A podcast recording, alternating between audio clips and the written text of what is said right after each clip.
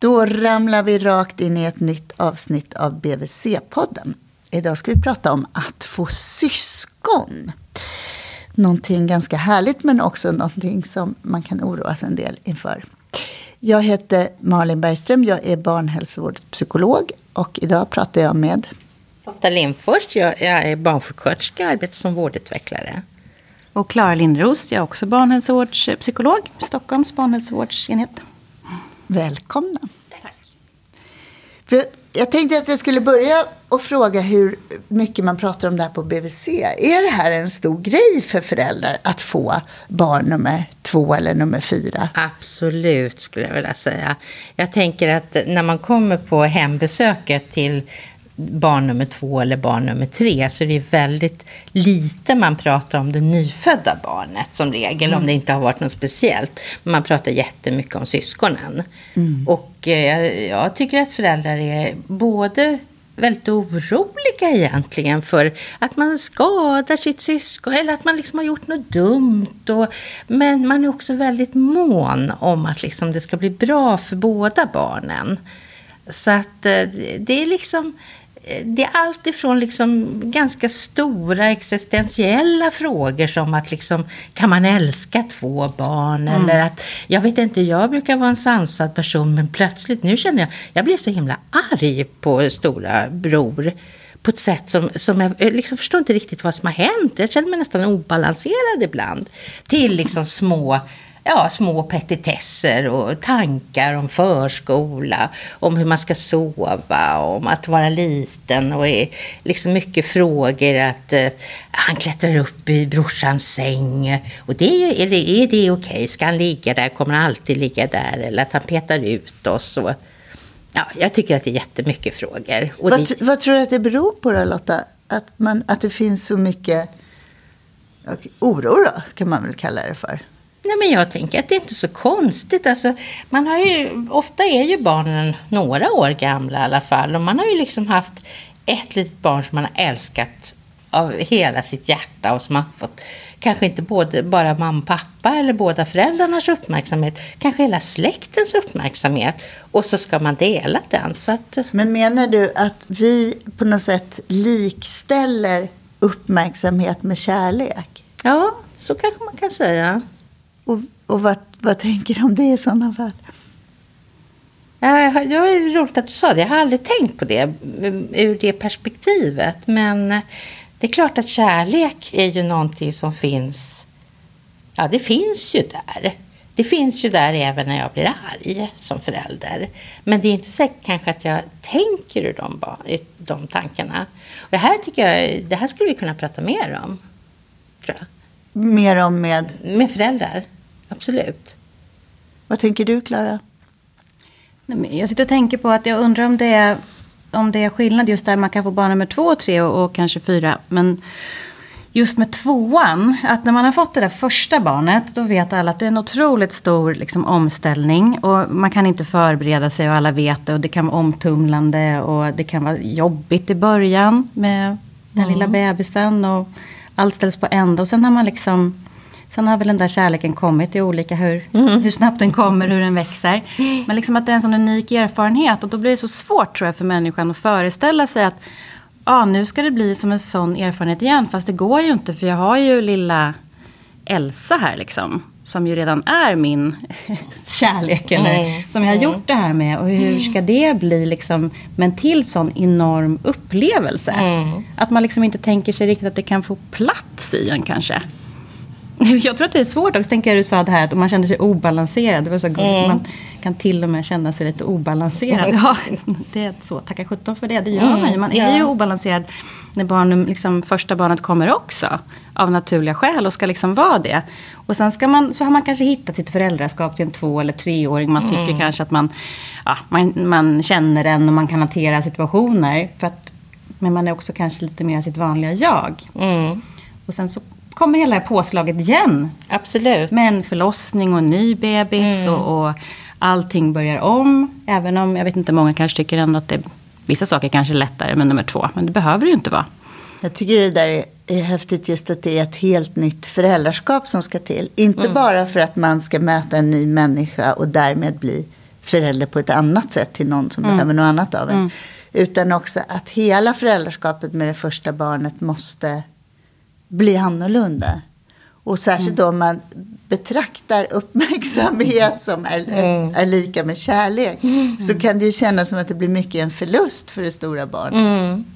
Jag tycker, och jag tycker också jag har pratat med många föräldrar som säger att de betraktar stora syskonet plötsligt helt annorlunda.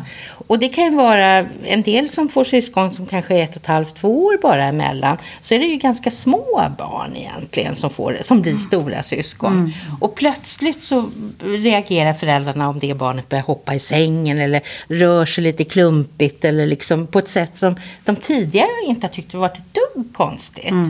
Och det där kan ju en del föräldrar, liksom just utifrån den här känslan av att, jag, precis- att de liksom tänder till. Eller liksom det är lejonet i, i en som så att man måste skydda den lilla bebisen. Och, att, och det där behöver man ju prata om. För jag tror att bara man som förälder förstår och accepterar att så här är det. Bara det kan ju få en att kontrollera sig själv lite mera. Eller om man inte gör det, att man efteråt också kan säga oj, nu, men nu tog jag väl i lite sådär. Men- Om, om man har den här väldigt, eller när man får den här oerhört starka skyddsinstinkten mot den lilla nyfödda.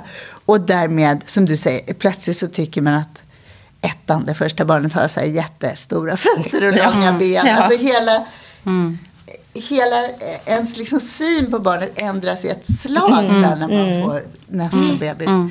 Men hur ska man... För jag kan tänka att det är ändå viktigt att agera på de här starka skyddsinstinkterna. Det är ju lilla bebisens överlevnads... Eh, skydd. Att man är så här, blir liksom livrädd när någon hoppar i sängen även om det är två meter mellan.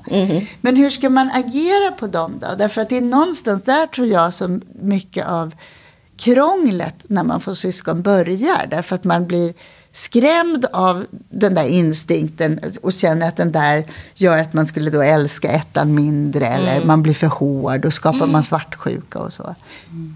Jag tänker att eh, man måste ju få gå på instinkterna som du säger och förstå att nu är man i en, ett nytt läge i föräldraskapet där det kanske är rätt svårt att vara balanserad. För att eh, det ena föräldraskapet ska vara skydda det här lilla, lilla och det andra ska vara till en två eller tre eller fyraåring eller så och möta upp. Och att eh, tänka att det där att om det blir så här ibland att man ryter till eller oj och akta. Så sabbar man ingenting utan det handlar hela tiden om mönster liksom. Att det är ju om man gör så hela, hela tiden.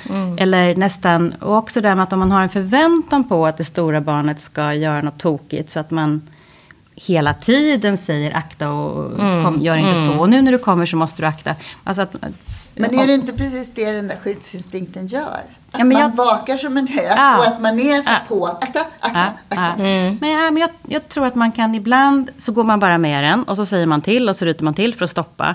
Men vi har ju ändå med oss våra hjärnor en del av tiden. Liksom. Ja. Och kanske kan vara sådär, okej nu kommer trean galopperande, eller treåringen skulle jag säga, galopperande här.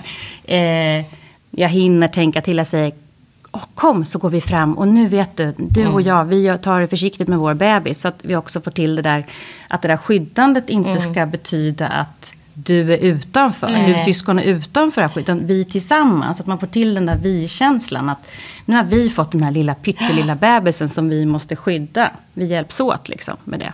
Det där tror jag är nyckeln. Eh, alltså jag tror att det där är en nyckelfråga faktiskt. Och jag tänker att man får låta det här stora syskonet vara liksom inkluderad och, och säga nu måste jag hämta en blöja, kan du passa? Eller, alltså att man, som, även om det liksom bara är två sekunder på något sätt. Så att man känner att de görs eh, delaktiga och ansvariga.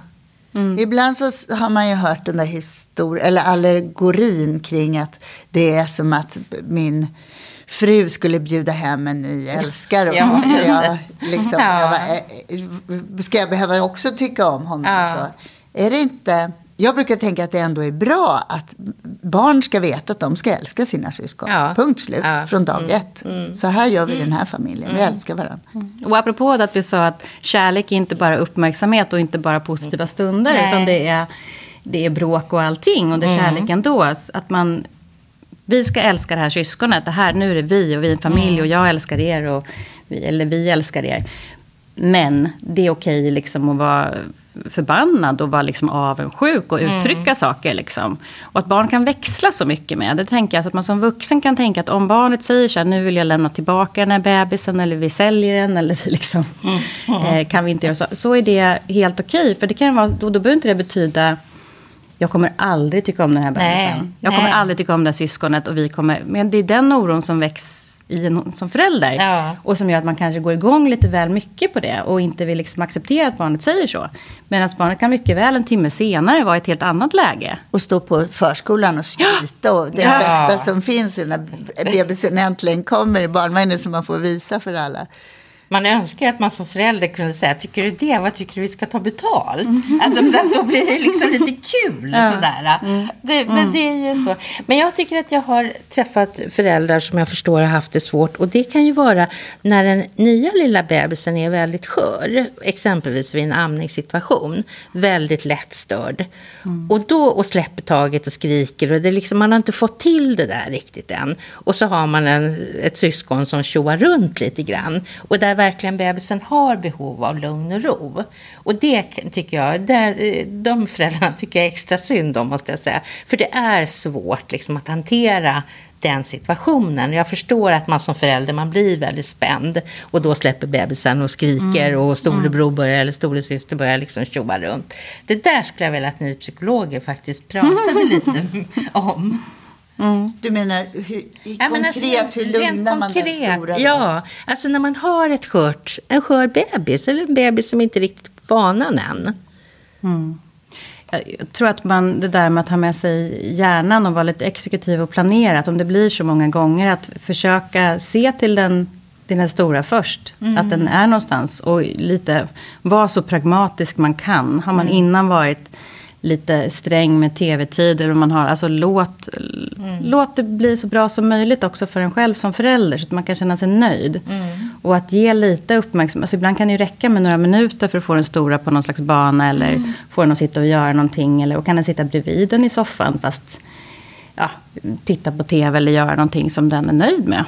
Jag brukar tänka så en korg med leksaker som man mm. bara får ha när Ja. Den andra måste vara med bebisen. Ja. Sen tänker jag konkret att vi har, vi har tio föräldradagar som föräldern som inte har fött kan ta ut i mm. början. Mm. Sen har vi rätt till förskola mm. för stora syskonet.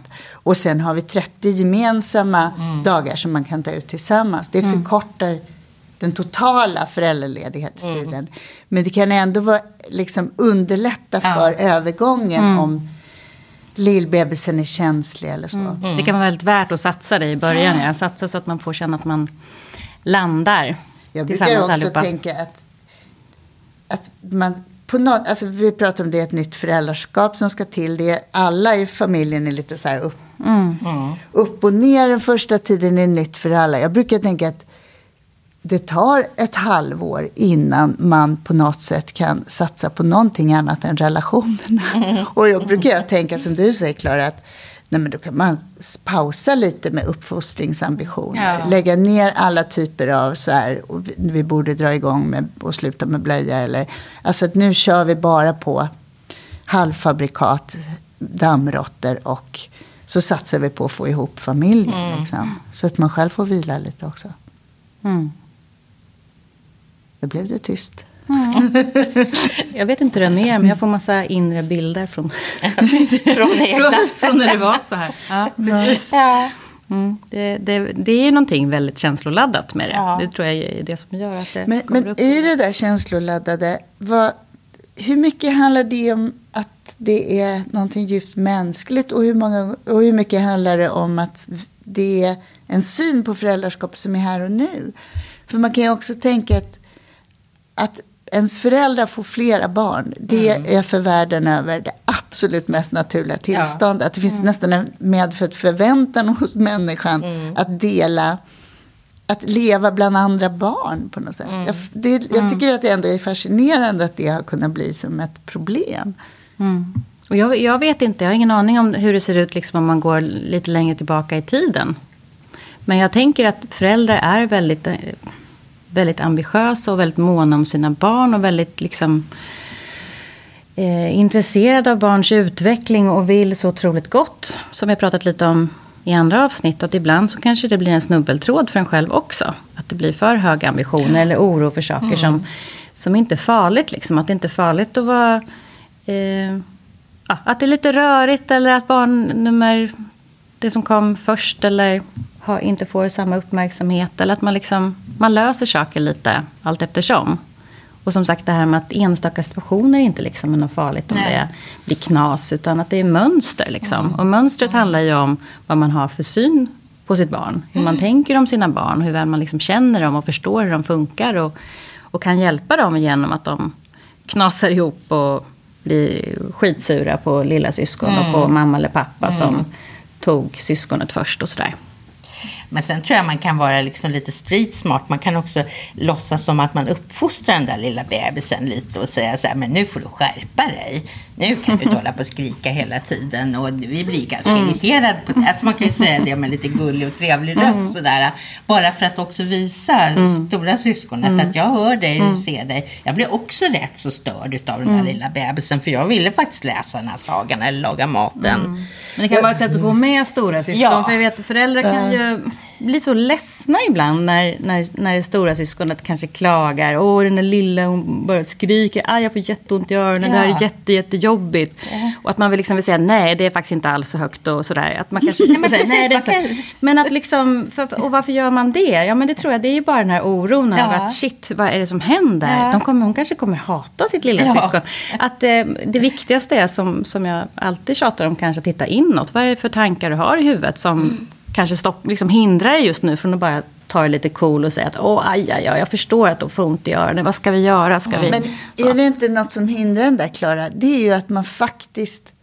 Jag tror att de här starka skyddsinstinkterna mot det lilla barnet bidrar mm. där. Mm. Därför att det blir ett avståndstagande mm. mot stora syskonet psykologiskt sett. Mm. För att... Det första måste komma eller jag, det lilla måste skyddas och komma först. Precis, liksom. och det är, alltså, jag tror att det där är instinktsdrivet. Och jag tror att det, det skrämmer en som förälder att känna det där avståndstagandet. Så att man intellektuellt måste liksom överbrygga det med någon slags extra omsorg eller mm. extra kärlek. För att man blir så rädd att man på något sätt skulle överge det. Det gör man ju förstås Nej. inte. Mm. Utan det är bara liksom en process mm. innan alla har landat sina mm. roller. Mm. Men det finns ju någon det finns ju någon, jag vet inte hur många föräldrar jag har hört som säger att hon ska behöva bli stor. Och att det är något negativt mm. för barn. Att, mm. att man kan ha med sig från egen barndom att man förväntades klara mer. Man ville ha mm. mer stöd och bekräftelse än man kanske fick. Och så. Jag tänker att det är mycket sånt där som ligger på en också. Mm. Ja, det är intressant det där med hur, hur stort eller litet storsyskonet ska vara. För att det finns ju både då att man kanske är stressad över att barnet ska bli stort. Men det finns ju också när barn vill vara väldigt små. Ja. Som mm. ju inte är så mm. ovanligt. Mm. Att, att man vill ha samma, man vill ha samma liksom, man vill också amma kanske plötsligt, ja, ber om det. Eh, och hur känns det i ändå mm. när, mm. när den stora, som man också som du sa Malin, känns mm. som en mm. jätte plötsligt, mm. kommer och säger att den vill amma. Mm. Eller den vill liksom ligga i den här barnvagnen eller ja, vill vara liten helt enkelt. Det kan ju också stressa en väldigt mycket om man tänker att oj, nu är det någon psykologisk kullerbytta här. Det här är ju inte bra. Eller, eller så blir man bara irriterad för man tycker att nej men gud, jag orkar inte liksom med att du ska vara bebis också när jag har den här, den här lilla bebisen. Ändå Fast jag tänker också att man kan använda, det beror på vilken ålder, men man kan också använda humor lite grann i det här. Men det är klart, ska vi gå och köpa blöjor, då måste vi gå och köpa blöjor till dig. Alltså, man kan på något sätt överdriva eller gå med lite. Jag tror mm. att det, det, är liksom leken i det här som mm. jag är ute efter. Mm. Att man blir lite allierad med barnet. Istället mm. för att liksom ja. hela tiden på något mm. sätt hamna på kant eller börja ja. uppfostra. Och jag tänker det du säger att leken i det tror jag är viktigt att tänka att nej, men det är inte någon slags regression som det gamla psykoanalytiska uttrycket mm. väl handlar om. att Vad var det då? På något sätt eh, liksom att jaget inte, man kan inte utvecklas ordentligt utan man går tillbaka till något något liksom tidigare stadium, utan att man ser det mera som... Och så jag tänker jag inte att det är. Jag fattade regressionsbegreppet som att det var att när man går igenom en stor kris då kommer man återvända till tidigare mm. utvecklingsnivåer för att orka med och konsolidera på något sätt innan utvecklingen igen kunde ta fas.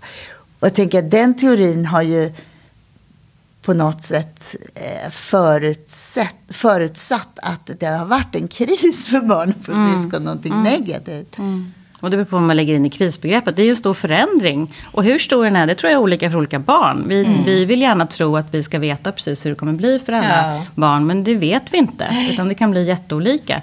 Men att man ändå kan se det där som ja, det där med att vara liten som en, som en lek. Mm. Ett sätt att liksom testa. Att man, det kan ju stå för en massa olika saker. Absolut. Man kanske vill ha den här uppmärksamheten och det där myset i, i liksom mm. förälderns famn. Eller så vill man liksom också få ha alla de här gulliga små bebisgrejerna helt mm. enkelt. Och vara avundsjuk på det. Mm. Eller leva sig in i det. Bara leva sig mm. in i det. Precis, bara liksom gå in i det. Och att låta barnet göra det utan att göra någon sak av det om det mm. går. Alltså, som sagt, blir det för krävande kanske man blir irriterad för man inte orkar.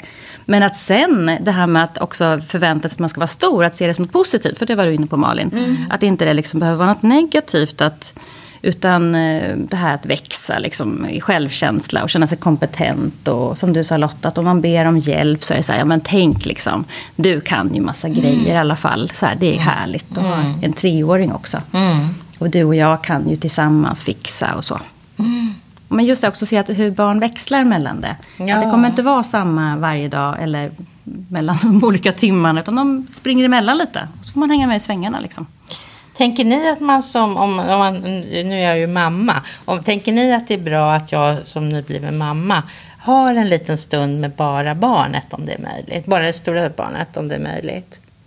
Jag tänker att det är viktigt för du beskrev så här jobbiga amningsstunder mm. till exempel. Eller frustrerande situation. Man försöker trösta lilla syskonet och den stora vispar runt som mm. en elvisp och bara vill ha uppmärksamhet och så. Jag tror att det är ett sätt för alla att stå ut mm. i den här liksom, jobbiga situationen i början. Att man, både att jag som förälder känner att vi hade i alla fall den här ja. fem minuterna i parken mm. där det var mm. riktigt mysigt. Mm. Eller vi bondade vid läggningen. Precis. Eller när jag badade ja. så var det supermysigt. Mm. För att då, det, det lägger någon grund i relationen som gör att den klarar den där påfrestningen ja. bättre. Så det tror jag. Men sen har jag upplevt ofta att det känns som en att verkligen öppet mål och säga till föräldrar det är viktigt att ni inte glömmer bort stora syskonet och ger upp. Ja. För det känns som alla föräldrar hajar. Ja, ja. Men att man kan fatta att det där kan man också göra för sin skull. Ja. För då kan jag vara tydligare med gränssättning eller att liksom klämma dit den där iPaden så mm. den får sitta och spela medan jag pysslar med den andra. Mm. Mm. Vad tänker ni om förskola då? För det stora barnet under föräldraledigheten? Eller under den första tiden? Ja, då kan man ju prata först om de första tio dagarna. Ja. För det har jag träffat många föräldrar som har fått sådär lite från förskolan att det är väldigt viktigt att barnet får vara med hemma så att det hinner landa med familjen och så. Och mm. jag mm. tänker att det kan det vara om jag känner att det vore det bästa i vår mm. familj. Och det kan precis vara tvärtom, att det mm. är jättebra för barnet att gå i förskola för att vi behöver komma in i amningen och det är astråkigt hemma och det är mm. ingen som orkar stimulera en tvååring. Mm. Så jag tror att man, det där måste man utgå från vad man vill. Jag träffar föräldrar också som är föräldralediga och har båda barnen hemma och har fått ur mycket skit för det. Mm. För att då skulle inte barnet, det stora barnet få vad det behövde. Mm. Och det tycker jag känns väldigt lågt på något sätt. Mm. Jag tror att man måste faktiskt ta sig rätten att ha sin familj som man vill. Mm. Även om vi har mm. möjlighet till förskola. Och jag tycker inte man ska ha dåligt samvete om man vill ha förskola heller. Utan jag menar. Mm. det där måste man få välja själv. Mm. mm. Däremot så kan man vara beredd på att stora syskonet kan krångla vid lämningen. Mm. Och, och, tro att det barnet, en två, treåring, kan tänka att Åh, nu kommer hon sitta hemma med bebisen och mm. mysa. Eller mm. alla, nu kommer båda föräldrarna vara hemma och jag får inte vara med. Nej. Och det tror jag är vuxen tänk. Jag tror inte så små barn riktigt kan fatta Nej. det. Men däremot så tror jag att de känner av att man själv kan bli lite så här tveksam kring när man ska följa dem till förskolan mm. och känna att ah, den kan ju få vara hemma om den mm. och så. Mm. Och den öppningen tror jag barn kan känna av och göra något av. Mm. Liksom. Håller du med Klara? Mm, mm. Jo, jag tänker också så här, att själva lämningen blir annorlunda. Alltså man, man kommer, och kommer man som mamma och, och vankar lite fortfarande. Och man har med sig bebis i vagnen. Så, så blir ju hela lämningen lite annorlunda också.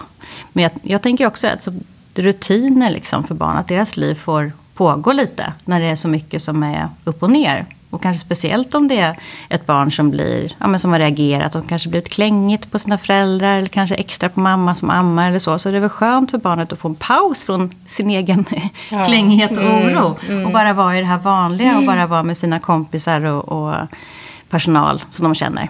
Mm. Om vi backar lite och tänk, tittar tillbaka till precis i början eller till och med innan man har fått syskonet. Vad, hur, vad gör man för att förbereda ett stora mm. syskon mm. för att bebisen ska komma? Ja, alltså jag tänker att prata om att ja, men bebisen i magen och så gör väl alla. Sen så har jag förstått att alltså ibland så kan det bli rätt mycket prat om ifall, ifall syskonet längtar efter den här. Ja, vad det ska bli roligt mm. liksom. Hon är min. Jag hoppas det blir en tjej och hon ska heta det. Eller vi ska leka och så vidare.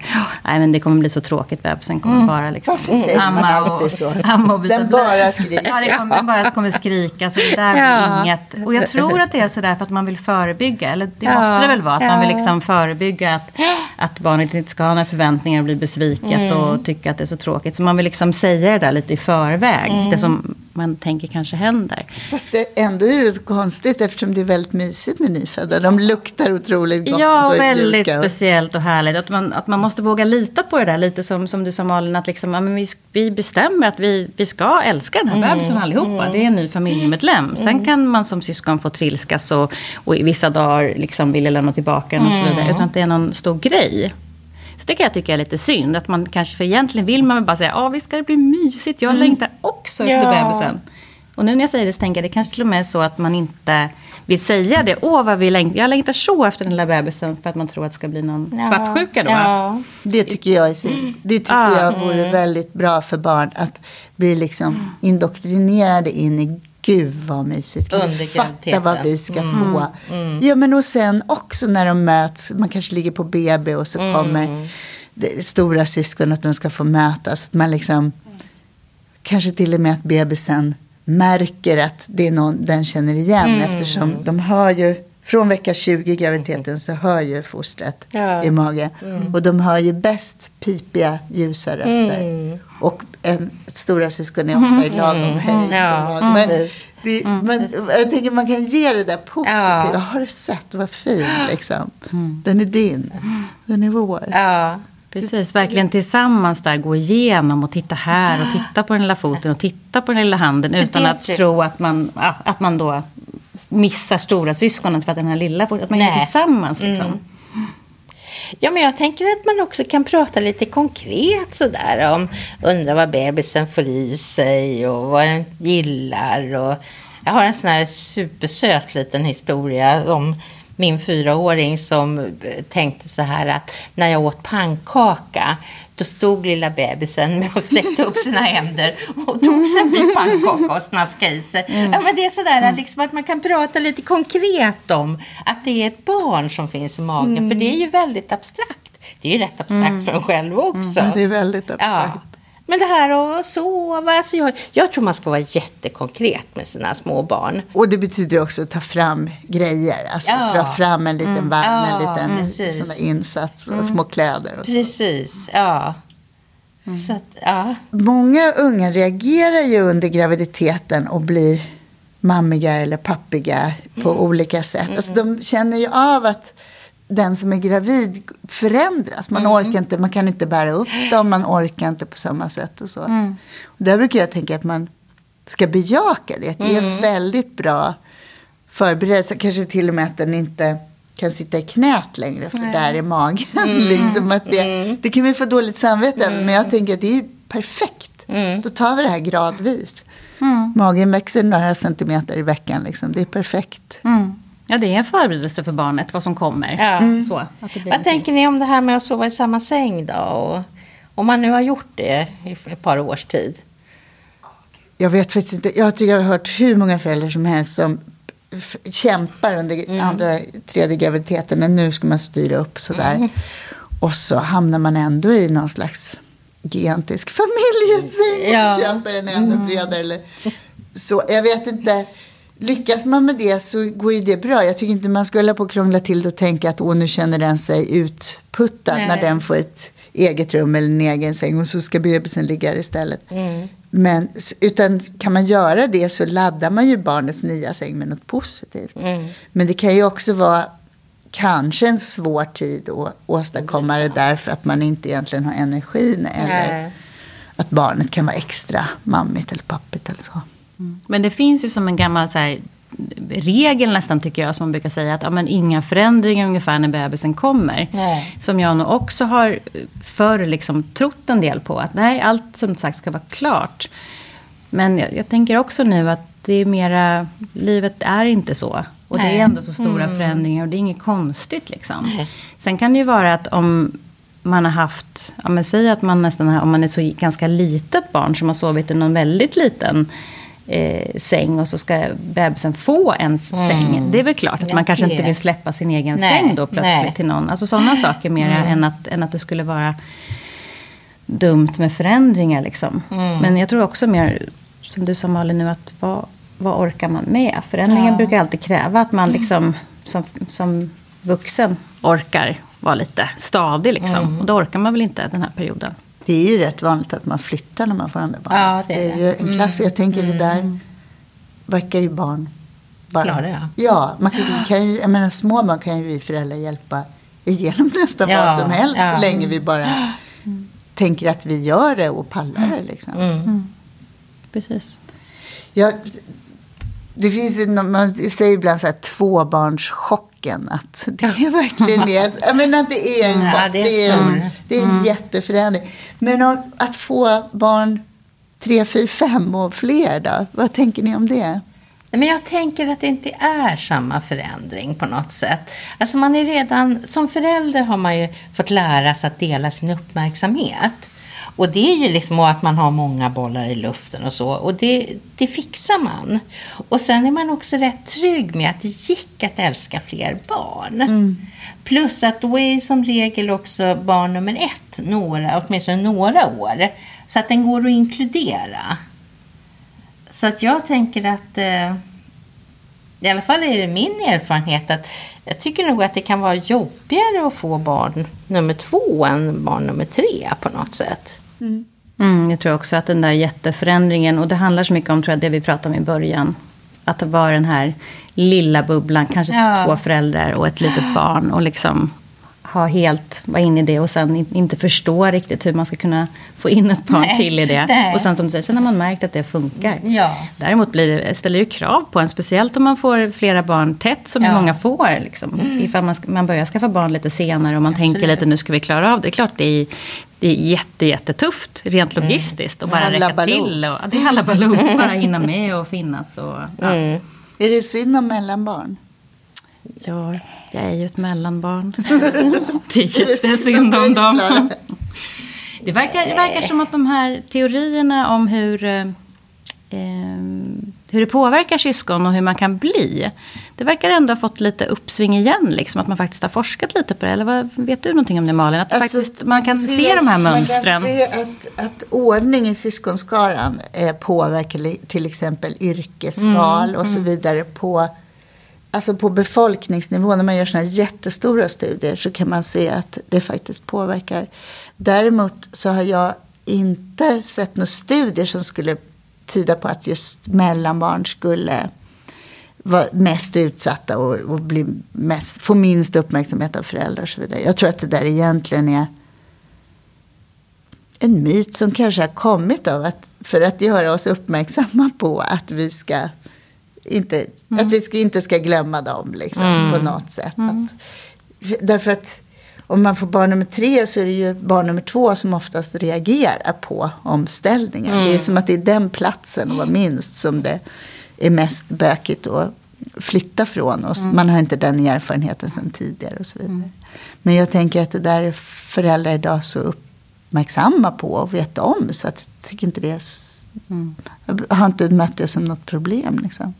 Men Det, och hur det påverkar barnet måste ju allra, allra mest handla om vilket temperament man har. Att Ja, för, det- för någon liksom ja, men säg någon, någon liten o, litet oroligt barn kanske som behöver ganska mycket stöd av mamma och pappa och liksom ängslig och mm. tyr sig till dem så blir det ju en väldigt annan sak att det kommer ett annat barn och som, som säkert kan vara jättebra på många sätt. Men att själva reaktionen blir annorlunda jämfört med ett barn som är eh, en sån där som rejsar på och sticker iväg och söker sig utåt och sådär.